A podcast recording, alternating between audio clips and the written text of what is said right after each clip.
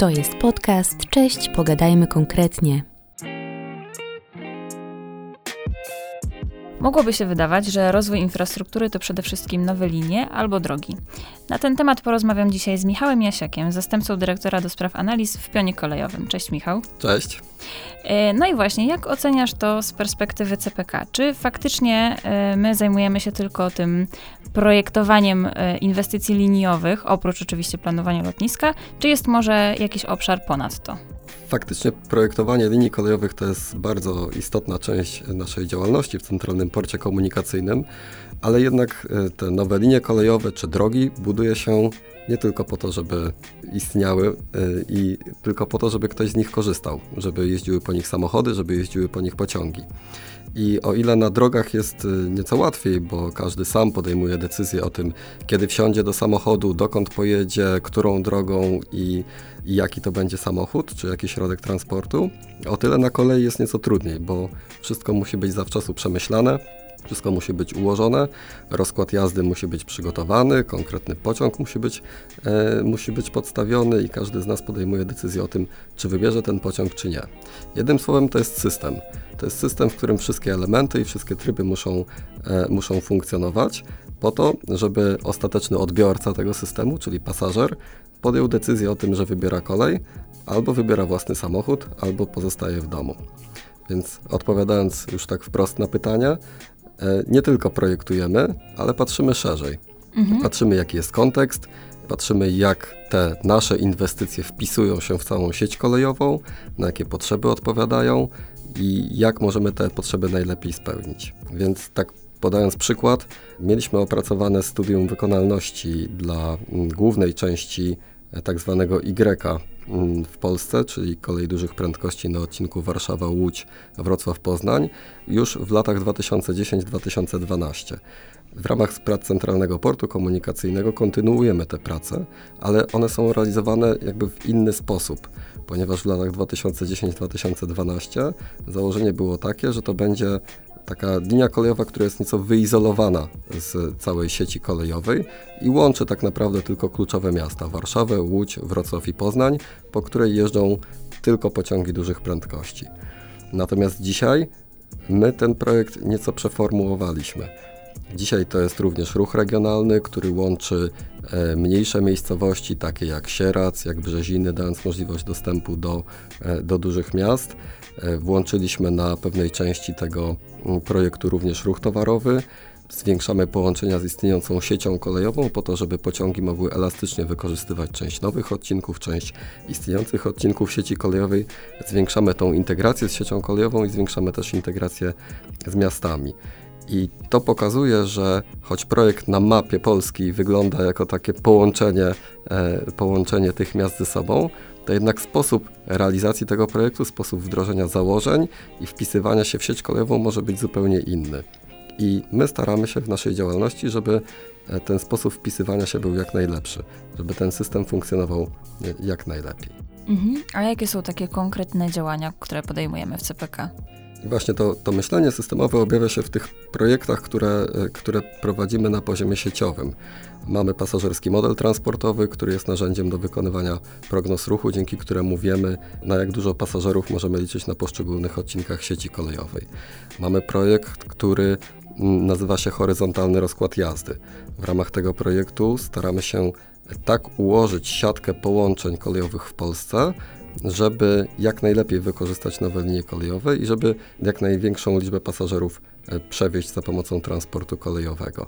Można to sobie odnieść do takiej siatki połączeń autobusowych czy tramwajowych w ramach dużego miasta, którą układamy na całej sieci kolejowej w skali całego kraju.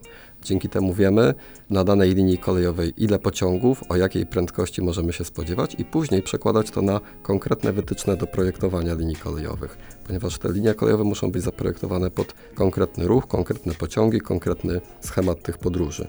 Mamy również projekt, który nazywa się model mikrosymulacyjno-analityczny. W ramach tego projektu jesteśmy w stanie bardzo dokładnie zasymulować ruch tych pociągów w specjalistycznym oprogramowaniu. Tego, jak one przyspieszają, jak hamują, e, w którym momencie zjeżdżają na tory boczne, z jaką prędkością jadą w każdej sekundzie swojego, swojego ruchu. Dzięki temu jesteśmy w stanie ocenić, czy te nowe linie kolejowe, ich sposób ich zaprojektowania odpowiada na te, na te potrzeby ruchowe, na tą liczbę pociągów i ich typ, które się pojawią.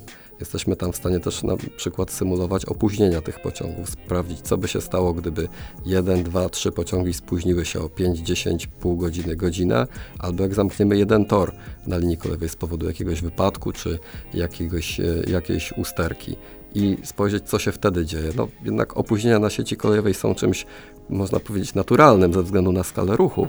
Natomiast to, co możemy robić, to projektować infrastrukturę w taki sposób, żeby te opóźnienia jak najszybciej niknęły, jak najszybciej się ograniczały. Więc to, to, to tak odnośnie, odnośnie modelu mikrosymulacyjno-analitycznego.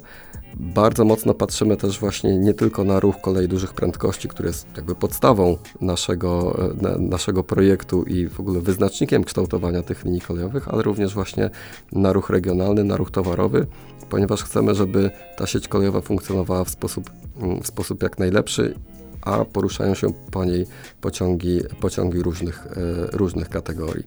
Patrzymy na to, jaką dostępność mm, zapewniamy dzięki budowie nowych linii kolejowych. Staramy się, żeby to nie były tylko duże miasta, ale żeby włączyć w tą sieć kolejową również ośrodki powiatowe, czy nawet na niektórych liniach kolejowych gminne, tak żeby pasażerowie nie widzieli tylko przejeżdżające pociągi gdzieś tam, e, gdzieś tam na horyzoncie czy nieco bliżej, ale żeby mieli w zakresie dojazdu rowerem czy krótkiego dojazdu samochodem również przystanek e, kolejowy, do którego mogą dojechać, gdzie mogą wsiąść w pociąg e, regionalny i, i skorzystać z niego, w, w, załatwiając różne, e, różne potrzebne rzeczy. Staramy się również, żeby te miasta, do których dotrze kolej dużych prędkości, skorzystały w wymiarze takim przestrzenno-urbanistycznym, ponieważ w momencie, w którym stacja kolejowa, na której do tej pory e, pojawiało się kilkanaście czy, czy nieco więcej pociągów dziennie, nagle zostanie zasilona ruchem dużo większej liczby pociągów, pojawią się tam pociągi dużych prędkości, to staje się ona takim dużym węzłem przesiadkowym. To powoduje, że jakby zupełnie inaczej ona funkcjonuje w skali całego miasta, nabiera istotności i doświadczenia zachodniej Europy pokazują, że staje się w pewien sposób taką wizytówką tego miasta. I to przeobrażanie tych miast, jakby stymulacja tego, żeby, żeby kolej powodowała taką, taką pozytywną zmianę e, w ramach, w ramach rozwoju miast jest również naszą, e, naszą istotą działalności. Tutaj mamy dedykowane działania dla wybranych dworców, które nazywamy flagowcami, które będą takimi elementami zmieniającymi tą przestrzeń. Mhm. Opowiedziałeś o tych, o tych miastach, to od razu pomyślałam o Wrocławiu. Bo jakoś, jakoś dworzec wrocławski bardzo dobrze mi się kojarzy. Taki elegancki, ładny dworzec. Tak, tak mi się skojarzył. Tak, akurat w przypadku Wrocławia to mamy tutaj już bardzo właśnie stary, z, z taki układ bardzo mocno wpisany w miasto, mm -hmm. więc, więc tutaj jakby wydaje się, że możemy tylko się w to wpisywać, ale takie miasta, które mocno, mocno zyskają dzięki kolei dużych prędkości, to są właśnie nieco mniejsze, takie jak Sierac, jak Łomża, tam kolej jest albo jeszcze niedawno była, mhm. natomiast to, co tam wprowadzimy dzięki nowym, e, nowym połączeniom, to jest zupełna zmiana jakościowa i jakby dzięki temu te miasta naprawdę mogą, mogą, mogą dużo zyskać. Mhm. No właśnie, no i projektujemy te nowe linie, te, planujemy nowe dworce, e, a pojawia się czasami w przestrzeni publicznej taki zarzut, że pociągi, które będą jeździć po tych naszych nowych cypekowych liniach, będą przewozić powietrze. No i jak byś odpowiedział na tego rodzaju oskarżenia? Moim zdaniem to stwierdzenie, że, że, że, pociągi będą woziły powietrze, to jest bardzo duże uproszczenie, bo jednak e, każdy z nas jadąc samochodem nigdy nie jest tak, że ma wszystkie miejsca w samochodzie zajęte. Oczywiście. Najczęściej jednak podróżujemy sami. Średnia, średnie wykorzystanie samochodu w Polsce to oscyluje wokół tam 1,3 osoby, 1,4 osoby, co pokazuje, że tak naprawdę jeżdżąc samochodem przede wszystkim wozimy powietrze. Nigdy też nie jest tak, że tramwaj czy autobus w ramach danego miasta zawsze w 100% wykorzystany. To pełne wykorzystanie jest tak naprawdę na środkowym odcinku trasy, gdy się wsiada na no to, to, to jakby trzeba przejechać kilka przystanków, jakąś odległość, żeby ten tramwaj się wypełnił. W związku z tym podobnie to wygląda na sieci kolejowej podobnie wygląda to w skali naszych inwestycji. Są centralne odcinki programu kolejowego, które są bardzo dobrze wykorzystane, takie jak Warszawa-Łódź czy Warszawa-Wrocław, ze względu na dużą liczbę pociągów, ze względu na duże miasta, ze względu na to, że zjeżdżają się tam pociągi z różnych kierunków. No i są oczywiście linie kolejowe, które są położone nieco bardziej z boku, nie ze względu na to, że jest mniejszy ruch pociągów, mniej pasażerów, mniejsze miasta są, nie możemy liczyć na tak, duże, na tak dużą liczbę, mm, liczbę podróży, ale to nie powoduje, że nie powinniśmy tych linii kolejowych w ogóle budować ponieważ w naszej optyce właśnie patrzenia na kolej, kolej jako system chcemy rozwijać połączenia, które nie są tylko w centralnej części Polski, ale potrzebne, ale potrzebne też również, e, również innym regionom. I staramy się, żeby te inwestycje były jak najbardziej efektywne.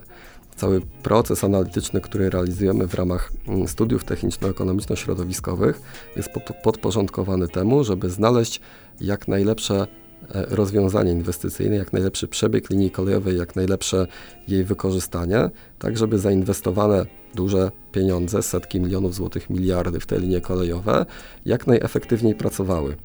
I żebyśmy na koniec wykorzystywali tą linię kolejową w jak najlepszy możliwy sposób i w ruchu pasażerskim, i w ruchu towarowym, i ściągali jakby pasażerów mieszkających w okolicy tej linii kolejowej, dzięki czemu y, no, będziemy mogli spowodować, że że cała ta inwestycja będzie, e, będzie warta, warta realizacji. To wszystko podsumowujemy, w ramach tak zwanej analizy kosztów i korzyści, jednego z mhm. istotnych elementów studium techniczno-ekonomiczno-środowiskowego. I właśnie elementem analizy kosztów i korzyści, w zasadzie kluczową częścią, jest porównanie kosztów, które trzeba ponieść w wymiarze pieniędzy, które trzeba wydać na budowę linii kolejowej, z korzyściami, ale które mierzymy nie tylko poprzez jakby zyski z biletów, czy zyski z tego, że dany pociąg przejeżdżając przez linię kolejową musi, musi zostać opłacona jakaś, jakaś stawka dostępu, ale w wymiarze też czysto takim ekonomicznym, rozumianym jako to, że skracamy czas przejazdu, a więc jakby ten czas przez pasażerów może być lepiej zainwestowany. To, że ograniczamy liczbę wypadków na drogach, dzięki czemu to może być też przeliczone w pewien sposób na korzyści ekonomiczne. I bilansując te wszystkie korzyści i koszty, okazuje się, że y, dla projektów, dla których wybraliśmy już warianty inwestorskie, każdy z nich cechuje się pozytywnym wynikiem efektywności ekonomicznej, co pokazuje, że choć w wymiarze czysto finansowym y, może się wydawać, że te, tych pieniędzy jest dużo, a pociągów jest mało, to jednak w wymiarze ekonomicznym y, warto, y, warto tą inwestycję przeprowadzić, ponieważ globalnie ona przyniesie przyniesie korzyści i w rzeczywistości transportowej, i w rzeczywistości gospodarczej w Polsce. I dodam jeszcze tylko, że te właśnie analizy, które prowadzimy, w szczególności analizy kosztów i korzyści, one są wykonywane według metodyki e, w pewien sposób zaakceptowanej e, dla wszystkich projektów transportowych na poziomie, na poziomie Komisji Europejskiej. Są mhm. standardy, są wytyczne, które wskazują, jak to należy przeprowadzić, więc to też nie jest tak, że my przyjmujemy tam pewne wartości i szukamy takich parametrów, żeby w cudzysłowie to wyszło. My to robimy w sposób jakby uniwersalny, w sposób jednolity dla wszystkich projektów i przyjmując te wartości i te wskaźniki, które są przyjmowane dla projektów w całej Europie. Wytyczne w tym zakresie publikujemy też na stronie internetowej całą metodykę prowadzenia tych analiz, w związku z czym tutaj jakby otwartość z naszej strony na pokazanie tej kuchni i tego procesu, jak to wygląda, wydaje mi się, że jest naprawdę duża. No właśnie po to, żeby z jednej strony znaleźć tą efektywność jak największą, a z drugiej strony, żeby pokazać, że te inwestycje po prostu mają sens. To jest podcast. Cześć, pogadajmy konkretnie. Mhm, no właśnie, bo mówisz o tej analizie kosztów i korzyści, ale ym, zakładam, że to nie jest ta analiza, która jest tą wyjściową, no bo my ją robimy tam już na pewnym etapie y, steś, tak? Więc jak w ogóle analizujemy potencjał danej linii, że warto ją budować? Tak, to jest y, proces, który mamy rozpisany właśnie bardzo szczegółowo w ramach studium techniczno-ekonomiczno-środowiskowego i wchodzi w niego szereg elementów. On jakby przechodząc po poszczególnych etapach, e, etapach studium, najpierw mamy etap, w którym patrzymy bardzo szeroko na daną linię kolejową. Przygotowujemy kilka, kilkanaście różnych trasowań, które są opracowane na ogólnym poziomie szczegółowości i patrzymy, jak to się wpisuje w kontekst społeczny, w kontekst gospodarczy. Wstępne trasowania linii kolejowej są przygotowywane, wstępnie szacujemy, jak, jaki poziom ruchu e, może być osiągnięty, czy też jakiej liczby pasażerów możemy się spodziewać i prowadzimy też konsultacje ze stroną, ze stroną przede wszystkim tutaj e, lokalnych e, samorządów, które najlepiej wiedzą, czego możemy spodziewać się na gruncie. Mając tą całą wiedzę, mm, jesteśmy w stanie wybrać tych kilka wariantów, które później są uszczegółowione w ramach tak zwanego etapu drugiego. Zwykle to jest między 3 a 5 wariantów, które później bardzo szczegółowo analizujemy w ramach, e, w ramach studium. Opracowujemy już wielobranżowy projekt, e, robimy szczegółowe prognozy ruchu, modelujemy właśnie ten ruch pociągów, tak jak powiedziałem wcześniej, a więc wchodzimy w większy detal. E, jesteśmy w stanie złapać więcej, więcej bardziej szczegółowych aspektów i to jest właśnie taki, takie patrzenie od ogółu do szczegółu. Mhm. Przechodzimy przez kolejne etapy procesu i szukamy tego, tego najlepszego wariantu. I tu warto zaznaczyć, że to jest taki proces iteracyjny, że właśnie nawiązując do tego pierwszego pytania o, o, projektowaniu, to nie jest tak, że jakby siada projektant i on od razu wie, jak należy mhm. zaprojektować tą linię kolejową. To, co my w ramach tej działalności analitycznej prowadzimy, to, to dajemy właśnie taki szerszy kontekst. Mówimy, po co jest ta linia kolejowa, jak ją należałoby zaprojektować i dajemy takie wytyczne. Projektant, jako właśnie osoba, która potrafi to, to fizycznie zaprojektować, przelewa ten projekt linii kolejowej na konkretny przebieg w terenie i okazuje się, że część z tych wytycznych można spełnić, część wymaga korekty, nie zawsze da się tą linię kolejową przeprowadzić tak, jakbyśmy chcieli najlepiej. No I to jest taki proces iteracyjny. Mhm. Właśnie wytyczne, weryfikacja, wytyczne, weryfikacja i wchodzimy w detale mm, i, i, i na koniec powstaje nam produkt, co do którego wiemy, że jesteśmy z niego zadowoleni. Mhm. I tutaj właśnie e, wydaje mi się, że y, zanegowałeś takie zdanie, które też pojawia się czasami wśród y, różnych zarzutów wobec tego, jak my działamy w tym zakresie kolejowym, że to nie jest projektowanie dla projektowania. Zdecydowanie, zdecydowanie. To, to nie jest tak, że siadamy za stołem i mm, kreślimy te kreski na mapie, tak, tak, jak nam się wydaje. E, to oczywiście dla potrzeb prezentacji tych wariantów e, publicznej staramy się, żeby e, ta wiedza była przygotowana w sposób możliwie czytelny i dostępny. Natomiast za tym stoi praca kilkudziesięciu osób w ramach studium techniczno-ekonomiczno-środowiskowego, wsparta szeregiem jakby prac specjalistycznych w dedykowanym oprogramowaniu przez osoby, które się w tym kształciły przez lata. Mhm. No i oczywiście na to jest bardzo istotna nakładka koordynacji, e, tego, żeby tych wszystkich, te wszystkie osoby ze sobą powiązać.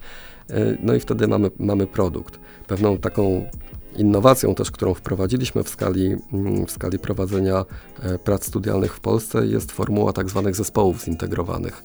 Tutaj te, też nie jest tak, że my te prace zlecamy na zewnątrz wykonawcy i mówimy, żeby przyszedł po kilku miesiącach i powiedział, co on wymyślił. To jakby formuła jest zupełnie odwrotna. E, my pracujemy z wykonawcą tak naprawdę w formule takich krótkich odcinków czasowych, kiedy weryfikujemy na bieżąco, w którą stronę w ramach danej branży podążają jego prace i ukierunkowujemy mhm. go. Czy powinien nieco, mm, nieco zmodyfikować swój kierunek, czy te prace idą w sposób dobry, czy powinien uwzględnić wnioski z jakichś innych działań, co do których my wiemy, a on sam tego nie zidentyfikował. To jest właśnie taka formuła tak zwanych zespołów zintegrowanych, dzięki której na bieżąco widzimy, w jakim kierunku te prace postępują i dzięki temu wiemy, że ten produkt, który otrzymamy na końcu, będzie, będzie naj, jak, naj, jak najlepszy. Mhm. E, niedawno podsumowywaliśmy 2020 rok, 22, przepraszam, rok e, i weszliśmy w 2023. No i co planujemy w najbliższych miesiącach? W ramach y, takiej czysto działalności planistycznej i tych projektów, które, które prowadzimy w Pionie Analisto, warto wspomnieć, że będziemy że będziemy szerzej, szerzej tutaj informować i, i publikować e, wersję 1.4 pasażerskiego modelu transportowego. To jest wersja, która już zawiera w sobie szereg usprawnień i e, jakby więcej informacji dotyczących tego, jak należy wykonywać prognozy ruchu dla poszczególnych linii kolejowych, dzięki czemu one będą lepszej jakości i będą dokładniejsze. W ramach horyzontalnego rozkładu jazdy będziemy rozwijali właśnie ten schemat linii kolejowych w całym kraju. Na razie mamy jakby szereg wniosków z poszczególnych studiów techniczno-ekonomiczno-środowiskowych, ponieważ tam prowadzimy właśnie szereg uzgodnień na poziomie pojedynczego projektu. Teraz tą wiedzę będziemy, e, będziemy starali się zebrać w skali całego kraju, uwzględniając też oczywiście uwarunkowania płynące nie tylko z linii kolejowych przez nas przygotowywanych, ale również, również z całej sieci kolejowej. No i będziemy rozwijali również e, wątki właśnie współpracy z, e, z samorządami w tych projektach tak zwanych flagowców, tych dworców, które mogą, e, mogą istotnie zmienić, zmienić przestrzeń to są właśnie takie lokalizacje jak Łomża, jak Sieradz, jak Brzeziny, dla których chcemy, żeby, żeby te projekty były właśnie dobrze przygotowane we współpracy z samorządami. Tutaj wychodzimy z szeregiem takiej, takiej oferty dla samorządów, żeby, mm, żeby, żeby ta współpraca była mocniej rozwinięta. Oczywiście nie zamykając się na inne lokalizacje, ponieważ jeżeli e, w ramach danego projektu okazuje się, że jakiś punkt przystanek linii kolejowej ma potencjał, to staramy się y, jakby ten potencjał maksymalnie wykorzystać. Także e, tutaj też jesteśmy otwarci na to, co jeszcze przyniesie nam ten przyszły rok.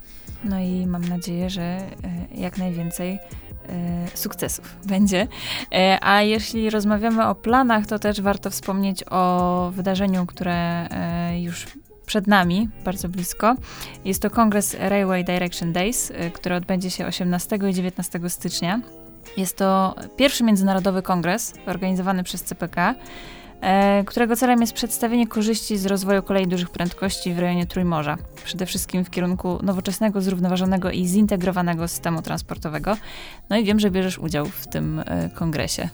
Tak jest. Jest to faktycznie pierwsza edycja kongresu, w ramach którego chcemy promować tą działalność związaną z rozwojem kolei dużych prędkości, nie tylko w Polsce, ale również w krajach sąsiadujących, ponieważ tworząc linie kolejowe w Polsce wpisujemy się w pewien system, który jest powiązany przykładowo z e, projektem Rail Baltica e, na Litwie, Łotwie i Estonii, czy z programem rozwoju kolei dużych prędkości w Czechach, czy też elementami mm, nowych linii kolejowych, które powstaną na Słowacji czy na Węgrzech. A więc tutaj chcemy pokazać, że te projekty kolei dużych prędkości, po których możemy jeździć dzisiaj w krajach Europy Zachodniej, za kilka, mm, kilkanaście lat powstaną również w tej części Europy i że w pewien sposób bierzemy przykład z tego, co się wydarzyło w Europie Zachodniej, bierzemy to, co dobre, staramy się unikać błędów, które tam zostały popełnione i e, będziemy tutaj zarówno pokazywali zakres tych inwestycji, jak i również będziemy skupiali się na tych wątkach, które są związane właśnie z funkcjonowaniem transportu kolejowego. W panelu, w którym akurat ja będę brał udział, będziemy pokazywali, że projektujemy nie tylko linie kolejowe, ale cały system transportu kolejowego i będziemy patrzyli, jak to wygląda po stronie mm, kolei czeskich. E, mamy panelistę, który jest e, ze strony kolei francuskich, który właśnie ma zebrane doświadczenie z e, wdrażania kolei dużych prędkości we Francji. Będziemy mieli również producenta taboru, który powie w jaki sposób ten tabor jest przygotowywany pod potrzeby pasażerów. I tutaj też w odniesieniu tak naprawdę do wszystkich wątków, które poruszaliśmy w trakcie tej rozmowy, to warto zauważyć, że Często patrzymy perspektywą dzisiaj na kolej tego, jak te pociągi jeżdżą, jak wyglądają, jak chcielibyśmy, żeby jeździli.